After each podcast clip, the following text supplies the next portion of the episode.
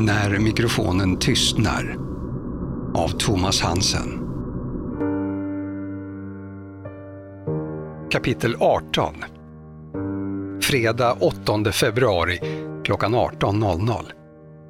Erik Holm svettades, vilket han fann obegripligt. Han hade varken ätit eller druckit på evigheter och det kändes som att det inte fanns någon vätska kvar i hans kropp som han skulle kunna svettas ut. Bilden av honom på tv-skärmen var nästan löjeväckande. Han kände inte igen sig själv. Håret låg platt på huvudet, förutom på ena sidan, där stod det rakt ut. Det fanns ingen med uppdrag att sminka eller snygga till frisyren i dessa lågbudgetsändningar. Man fick fixa sig själv i behov. Vid en jämförelse mellan Eriks stylade bildbyline i tidningen och det ansikte som just nu visades i tv-programmet hade han svårt att hitta några likheter alls. Det kunde lika gärna ha varit en helt annan person. Möjligen så kunde man känna igen honom på hans ovanligt tjocka ögonbryn som fått sig en extra färgning på en salong han gick till varje år inför festivalen. Han hade varit med i den evighetslånga direktsändningen mer eller mindre nonstop sedan förmiddagen. De hade gått på tomgång i många timmar, men plötsligt så lossnade proppen och allt hände på en gång. Det började med en bekräftelse på att Alicia Nordsten faktiskt var försvunnen. Inte bara ett avlägset rykte som kunde tolkas om till det, utan en fullständigt riktig uppgift ifrån polishåll. Hon var anmäld försvunnen. Det var alltså sant. Från TV kom inga kommentarer överhuvudtaget. Polisen hade heller nästan ingenting att säga, men en presstalesperson berättade i alla fall att en utredning skulle inledas. Det var mer än tillräckligt för att tidningens live-tv-redaktion skulle trycka på gasen och kalla in all tillgänglig personal. Reportrar, programledare, tekniker och researchers. Allt som användes för traditionella tv-sändningar, utom fotografer och sminköser, sånt prioriterades bort. Som tur var hade de redan massor av folk på plats i Växjö. De fick snabbt glömma allt om repetitioner, publikomröstningar och förkylda artister vars hosta hotade delfinalen. Nu lades all fokus på det mystiska försvinnandet. Historien om Karl Nordstens sammandrabbning med skivbolagsdirektören utanför arenan hade vevat så många varv att alla inblandade kunde den utan till. Vart managerpappan tagit vägen efteråt, det visste ingen, men det var inte han som var anmäld försvunnen och som polisen nu gjorde stora insatser för att hitta. Det var hans dotter. Hon var stjärnan som skulle vinna hela tävlingen, men vars öde nu var osäkert och eventuellt i händerna på samvetslösa kidnappare som ville dra nytta av hennes stjärnglansande kändiskap, pappans feta bankkonto och den stora uppmärksamheten när årets största musikhändelse skulle gå av stapeln. Kommentatorerna vill inte heller bortse från möjligheten att delfinalen var i fara att ställas in. Möjligen skulle arenan behöva utrymmas och genomsökas. Uppgifterna fortsatte att regna in och presenterades utan nämnvärd källkritik på löpande band i direktsändningen. Men så kom ett tips från en tittare. Enligt uppgiftslämnaren så pågick en stor polisinsats på Hovskulle. Ett namn som programledaren lyckades uttala på fem olika sätt inom en tidsrymd på två minuter. Den självklara slutsatsen var att detta polisdrama på något sätt hade med Alicia Nordstens försvinnande att göra. Polisen gav inga svar på vad den gjorde på Kungsvägen. Det var uppgifter som vakthavande befäl sa sig för närvarande inte ha tillgängliga. Mer än att det var en privatperson som hade slagit larm om någonting. Det dröjde inte länge förrän tittare började skicka in ytterligare uppgifter i hopp om att få månadens tipspengar. Det verkade som att polisen hittat en död människa. enligt obekräftade uppgifter, flera stycken kroppar. En eh, tipsare påstod att det fanns tecken på en rituell avrättning. Erik var för all del journalist på en kvällstidning. Men nu hade han snarast lust att kräkas i en papperskorg och sen ta en taxi till hotellet. Det fanns ingenting av värde att berätta om, men sändningsproducenten bara fortsatte att vrida ur meningslösheter som han krampaktigt pressade ihop som en smutsig tvättsvamp. Till slut så orkade Erik inte låtsas mer. När programledaren för hundrade gången frågade vad det senaste han kunde berätta var, svarade han brutalt ärligt. Det senaste? Ja, egentligen att vi inte vet någonting mer. Polisen kanske vet något, men i så fall säger den inte det. Det är mer rykten än fakta i rörelse just nu och mycket tyder visserligen på att Alicia Nordsten har försvunnit och någon kanske har hittats död. Men just nu är det bara spekulationer. Sändningsproducenten kopplade därpå snabbt tillbaka till programledaren i studion. Erik slet av sig mikrofonen och meddelade kollegorna att han måste gå på toaletten och sen få något att äta. Ville de reprisera allt han redan hade sagt så kunde de väl göra det, föreslog han. Fick han reda på något mer så skulle han höra av sig, sa han, och så lämnade han alltihopa bakom sig. Ny säsong av Robinson på TV4 Play. Hetta, storm, hunger. Det har hela tiden varit en kamp. Nu är det blod och tårar. Fan händer just nu. Det. är Detta är inte okej. Robinson 2024, nu fucking kör vi! Streama söndag på TV4 Play. Ett poddtips från Podplay. I podden Något Kaiko garanterar östgötarna Brutti och jag, Davva, dig en stor dos skratt. Där följer jag pladask för köttätandet igen. Man är lite som en jävla vampyr. Man har fått lite blodsmak och då måste man ha mer. Udda spaningar, fängslande anekdoter och en och annan arg rant. Jag måste ha mitt kaffe på morgonen för annars är jag ingen trevlig människa. Då är du ingen trevlig människa, punkt. Något Kaiko, hör du på Podplay. Därför är gardinerna.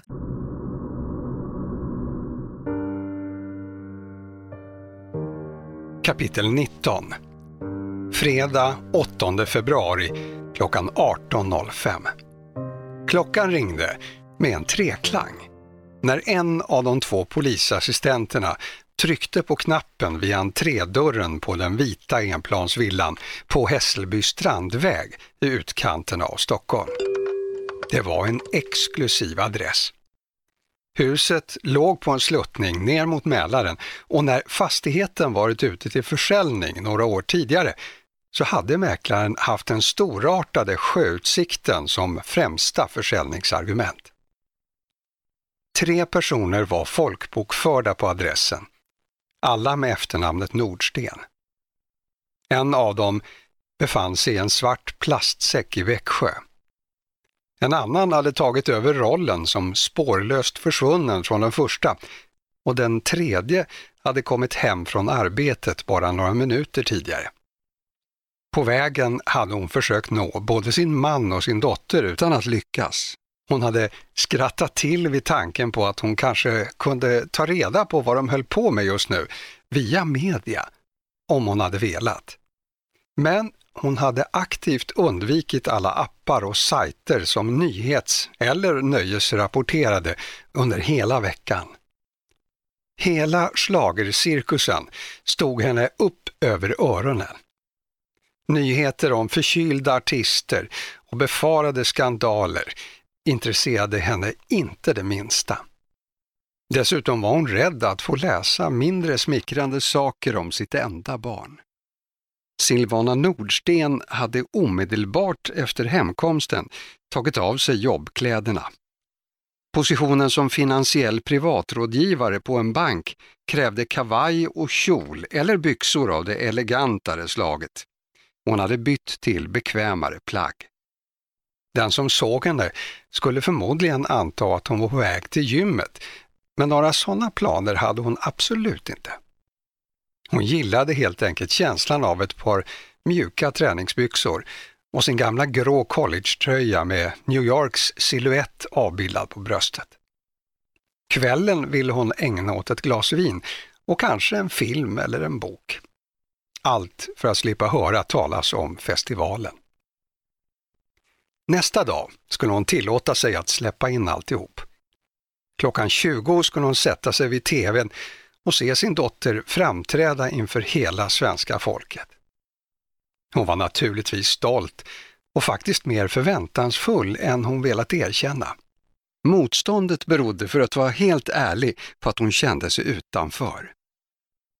Alicia och Karl gjorde den här resan tillsammans, utan henne. Hon hade själv försökt sig på en karriär som sångerska en gång i tiden, men aldrig kommit längre än till diverse körjobb bakom några mindre kända aktörer. Sjunga kunde hon, men till skillnad från sin dotter hade hon inget som hjälpte till med att bygga karriären och kändisskapet. Eller så saknade hon helt enkelt det. När Silvana träffade Karl, givetvis i en inspelningsstudio, såg han potentialen i henne.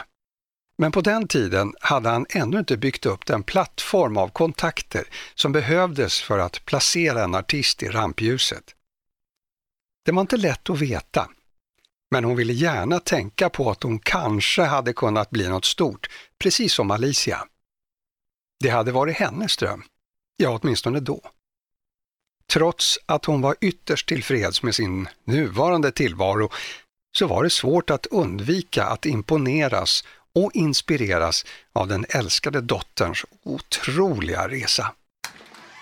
Hon öppnade den tjocka ekdörren, släppte in den kalla utomhusluften och lät sina ögon vandra från den första polisen till den andra och sen tillbaka till den första.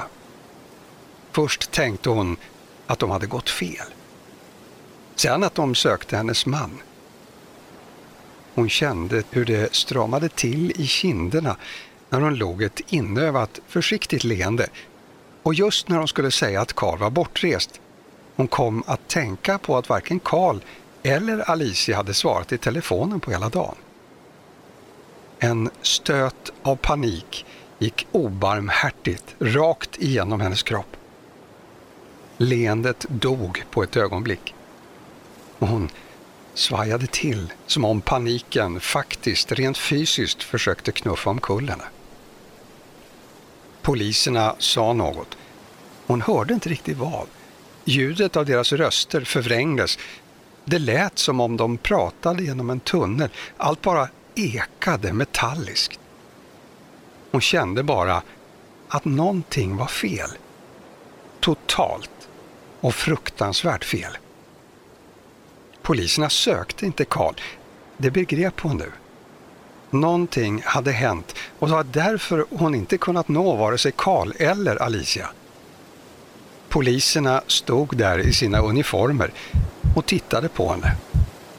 De var där för att säga någonting till henne. Något hon inte skulle vilja lyssna på. Hon undrade vad hon skulle ta sig till. Letade efter ett svar, men inga tankar fungerade. Hon hann se att den ena polisen var märkligt suddig i ansiktet och att väggen verkade börja luta. En av poliserna kom närmare henne. Hon ville hålla honom ifrån sig, men började förlora kontrollen över sina armar och ben. Och precis då försvann alla bilder. Det svartnade för ögonen och hennes kropp ramlade ihop.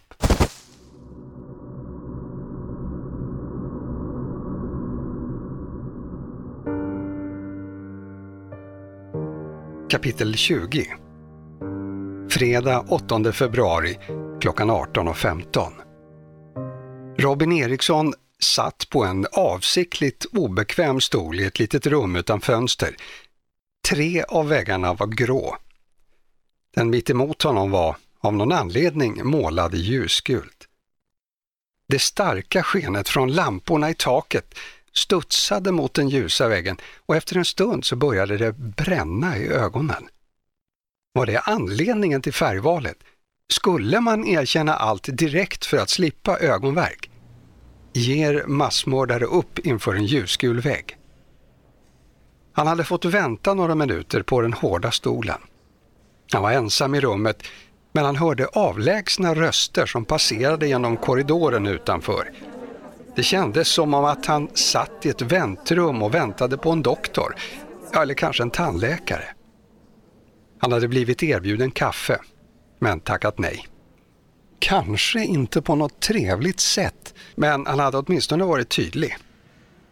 Nu hade en äldre polis klivit in i rummet, en riktigt jävla supergammal. Gubben hälsade med ett så hårt handslag att Robin reflexmässigt spände de rätta musklerna för att snabbt kunna försvara sig. Sjukt om det skulle behövas mot en sån gamling. Han såg ut som en av de där trollkarlarna i Sagan om ringen. Jag heter Olof Nilsson, sa han. Han lät snäll, tyckte Robin. Han övervägde inte ens att låtsas vara sagofigur med pilbåge, inte mot den här farbrorn. Gubben påminde faktiskt om Robins farfar, den snällaste människa som någonsin funnits på jorden. Ingen annan hade brytt sig så mycket om vad Robin ville göra. Tagit ut honom på fisketurer eller suttit uppe till sent på kvällarna och berättat historier från förr. När han dog för nästan fem år sedan trodde Robin att tårarna aldrig skulle ta slut. Uh, ja, ja, jag heter Robin Eriksson. Jag har förstått att du är här i stan tillsammans med din flickvän Alicia Nordsten. Ja, alltså vi är här för att hon ska vara med i eh, TV i, imorgon. Men nu är hon ju försvunnen. Men varför har hon inte hittat henne? Olof Nilsson valde att besvara frågan med en annan fråga. När såg du Alicia senast? Eh, I natt tror jag. Eller jag minns inte riktigt. Men igår kväll i alla fall så var vi på den där festen som var på Konserthuset. Hur länge var ni där? Ja, jag vet inte. Alltså jag hade druckit en hel del men eh, jag gick tillbaka till hotellet själv för Alicia skulle göra något. Olof Nilsson tyckte att ynglingen verkade lugn, inte alls stökig och bråkig som beskrivningarna påstod. Så du lämnade henne på festen och gick själv direkt till hotellet? Ja, vad var klockan då? Han ryckte på axlarna. Alltså, alltså, jag vet inte, kanske tio typ. Vilket hotell bor ni på? Robin ryckte på axlarna igen. Det här förhöret började utvecklas till ett träningspass. Ja, jag vet inte vad det heter, det ligger vid ett torg i alla fall. Det är en bit bort. Kom Alicia dit senare på kvällen? Ja, antar det, sa Robin. Men jag somnade. Så du vet inte säkert om hon kom tillbaka till hotellet efter festen? Nej, typ inte. Skildes ni åt som vänner? Nu blev Robin irriterad. Vad var det för en jävla fråga? Ja, alltså vadå? Det gjorde vi väl? Väl? Vad fan menar du? Varför kaxar sig gubben? Såna där gamlingar ska ju vara snälla mot alla och mata fåglar i parken typ som farfar. Robin kände hur adrenalinet rann till när han återigen blev ifrågasatt. Olof noterade förändringen men lät sig inte störas. Han hade upplevt betydligt vildare förhörsoffer i sina dagar. Han fortsatte lugnt och sakligt med sina frågor. Jag undrar bara om allt var bra när ni skildes åt. Ja, alltså visst. Hon skulle göra något där borta och, och sen skulle hon komma efter. Varför väntade du inte på henne så att ni kunde gå tillsammans? Nej nu kom gubben här med anklagelser mot honom, som om det var hans fel att Alicia var borta. Robin ilsknade till ordentligt. Men vad fan, jag har inte gjort något fel. Hon skulle göra något annat och sen skulle hon komma, men hon kom inte. Eller i alla fall så märkte jag ingenting, för jag sov alltså. Nu pratade Robin betydligt hetsigare. Pratade du med någon på vägen tillbaka till hotellet eller när du kom dit? Uh, nej. Sov du sen hela natten? Ja, det gjorde jag väl. Ordet väl tyder på att han egentligen inte vet, döljer något eller ljuger, tänkte Olof. Var du berusad på festen? Ja, jag hade väl druckit lite, svarade Robin med en axelryckning. Alicia då? Ja, hon hade nog druckit lite också, men inte så mycket tror jag. När vaknade du? frågade Olof. Robin skakade på huvudet, slängde ut med armarna. Ingen jävla aning. Var du ensam på hotellrummet när du vaknade? Ja! Verkade det som om Alicia hade varit där under natten? Nej. Men hur kan du vara så säker på det? Men inte fan vet jag, nästan skrek Robin. Men jag såg henne i varje fall inte. Vad gjorde du sen? Alltså, jag försökte ringa henne då, va? men hon svarade inte. Och så kom hennes tokiga farsa och började banka och hålla på och skrika. Så jag sa åt honom att dra och då gjorde han det. Han är sjukt konstig alltså. På vilket sätt är han konstig? undrade Olof. Robin hoppade till på stolen, rätade ut kroppen så gott det gick i sittande ställning och tryckte sig mot ryggstödet. Den ljusgula väggen lyste mot honom nästan som en strålkastare. Men fan vilka frågor du frågar! Han är störd liksom, håller på och tjatar om allt som Alicia ska göra för det har han bestämt and shit. Som om han ägde hela jävla världen. Var Alicia rädd för honom? Nej, hon är fan inte rädd för någon. Det svaret tyckte Olof lät mer som en instinktiv protest och sa förmodligen inte någonting alls om huruvida Alicia var rädd för någon eller inte. Killen framför honom gav inte sken av att vara någon svärmorsdröm. Han kunde visserligen vara en fullständigt normal tonåring med frigörelsebehov, men det verkar inte krävas mycket för att han skulle bli irriterad. Han hade varit lugn i början av förhöret, men förändringen kom hastigt. Det var sättet han använde händerna på när han pratade, hur han betonade orden, blickarna som förmedlade en känsla av kompromisslöshet. Det var som om han skulle kunna explodera när som helst. Det kunde Olof lätt testa genom att lägga in ett lätt antagande i en fråga. Brukar du eh, bråka med Alicia? Mycket riktigt. Robin skrek ut sitt svar.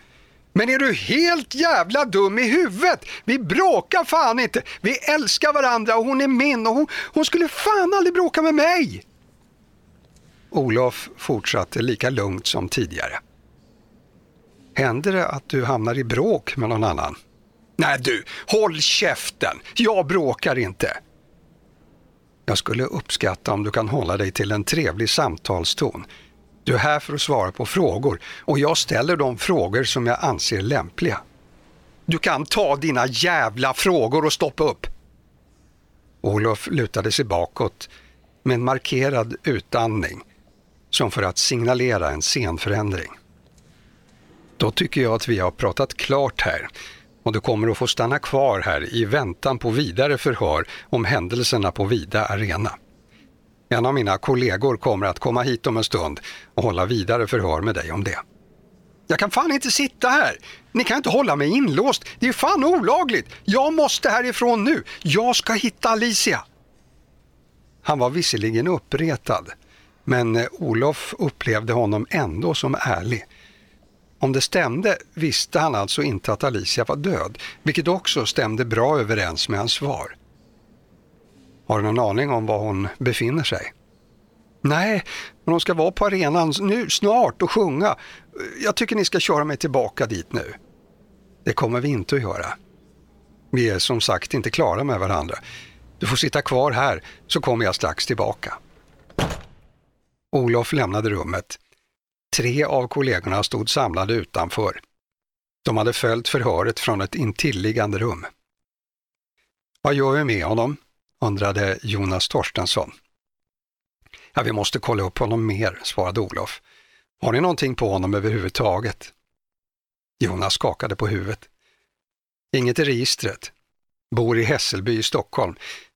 Jag ringde och pratade lite kort med kollegorna där, men han var ingen känd figur för dem. Han ger ett instabilt intryck tycker jag. Jag skulle inte bli jätteförvånad om han kunde få ett vredesutbrott och slå en spade i huvudet på sin flickvän.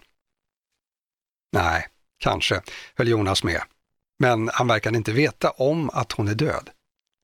Precis det tänkte jag också.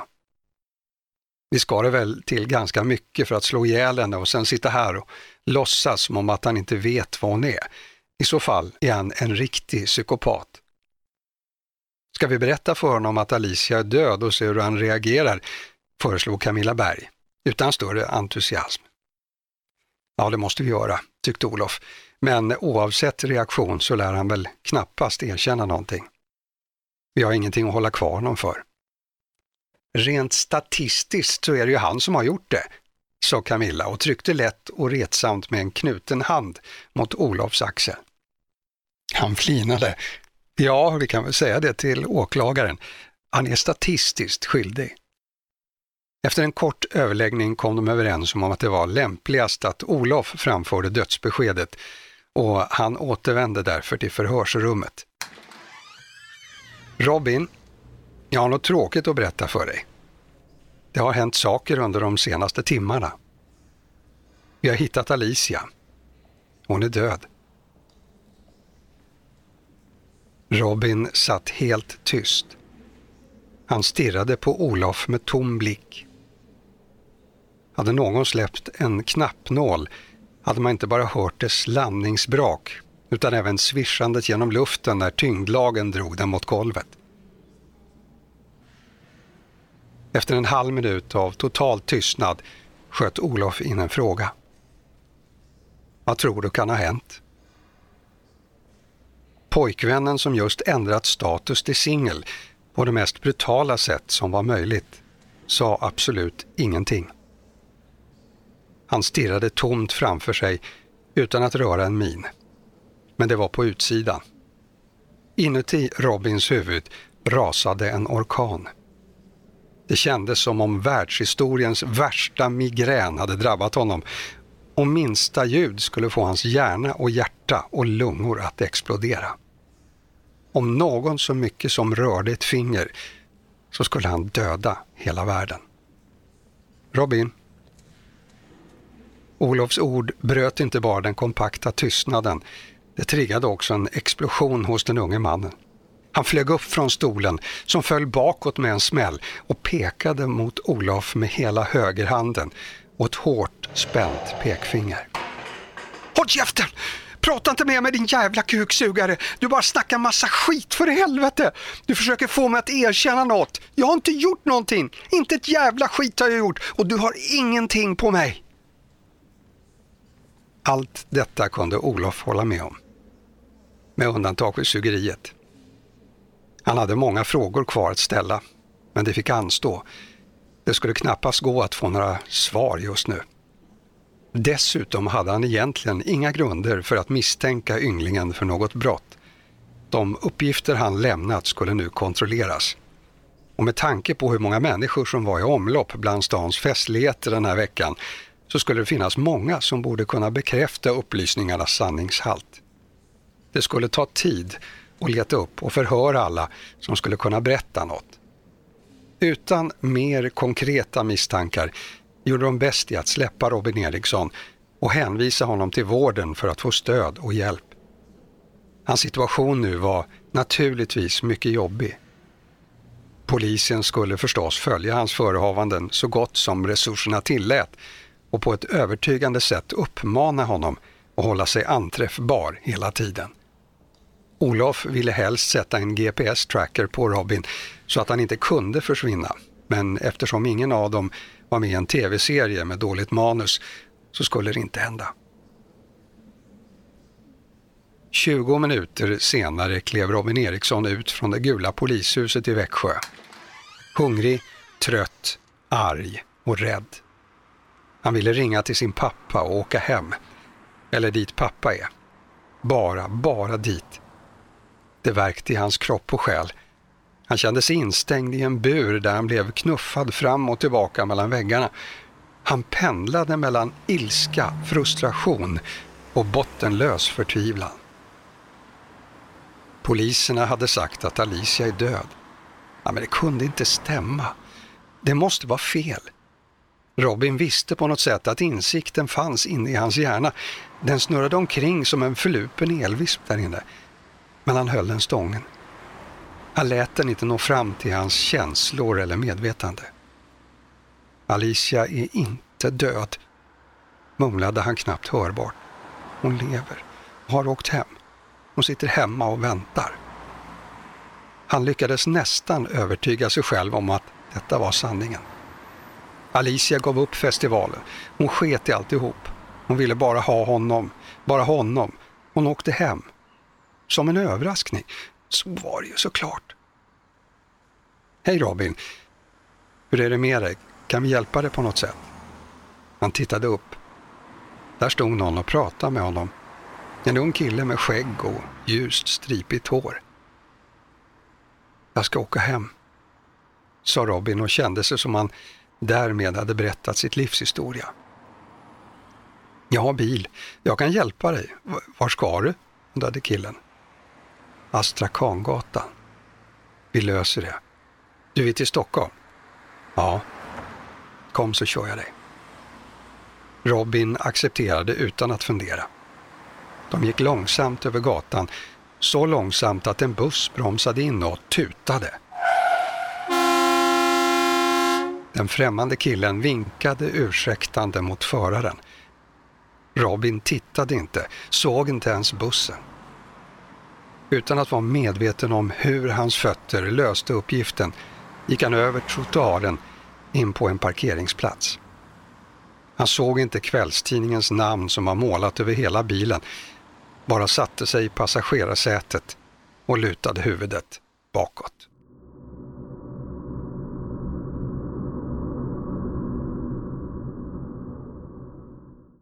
Ny säsong av Robinson på TV4 Play. Hetta, storm, hunger. Det har hela tiden varit en kamp. Nu är det blod och tårar. Fan händer just det. Det är detta inte okej. Robinson 2024, nu fucking kör vi! Streama söndag på TV4 Play.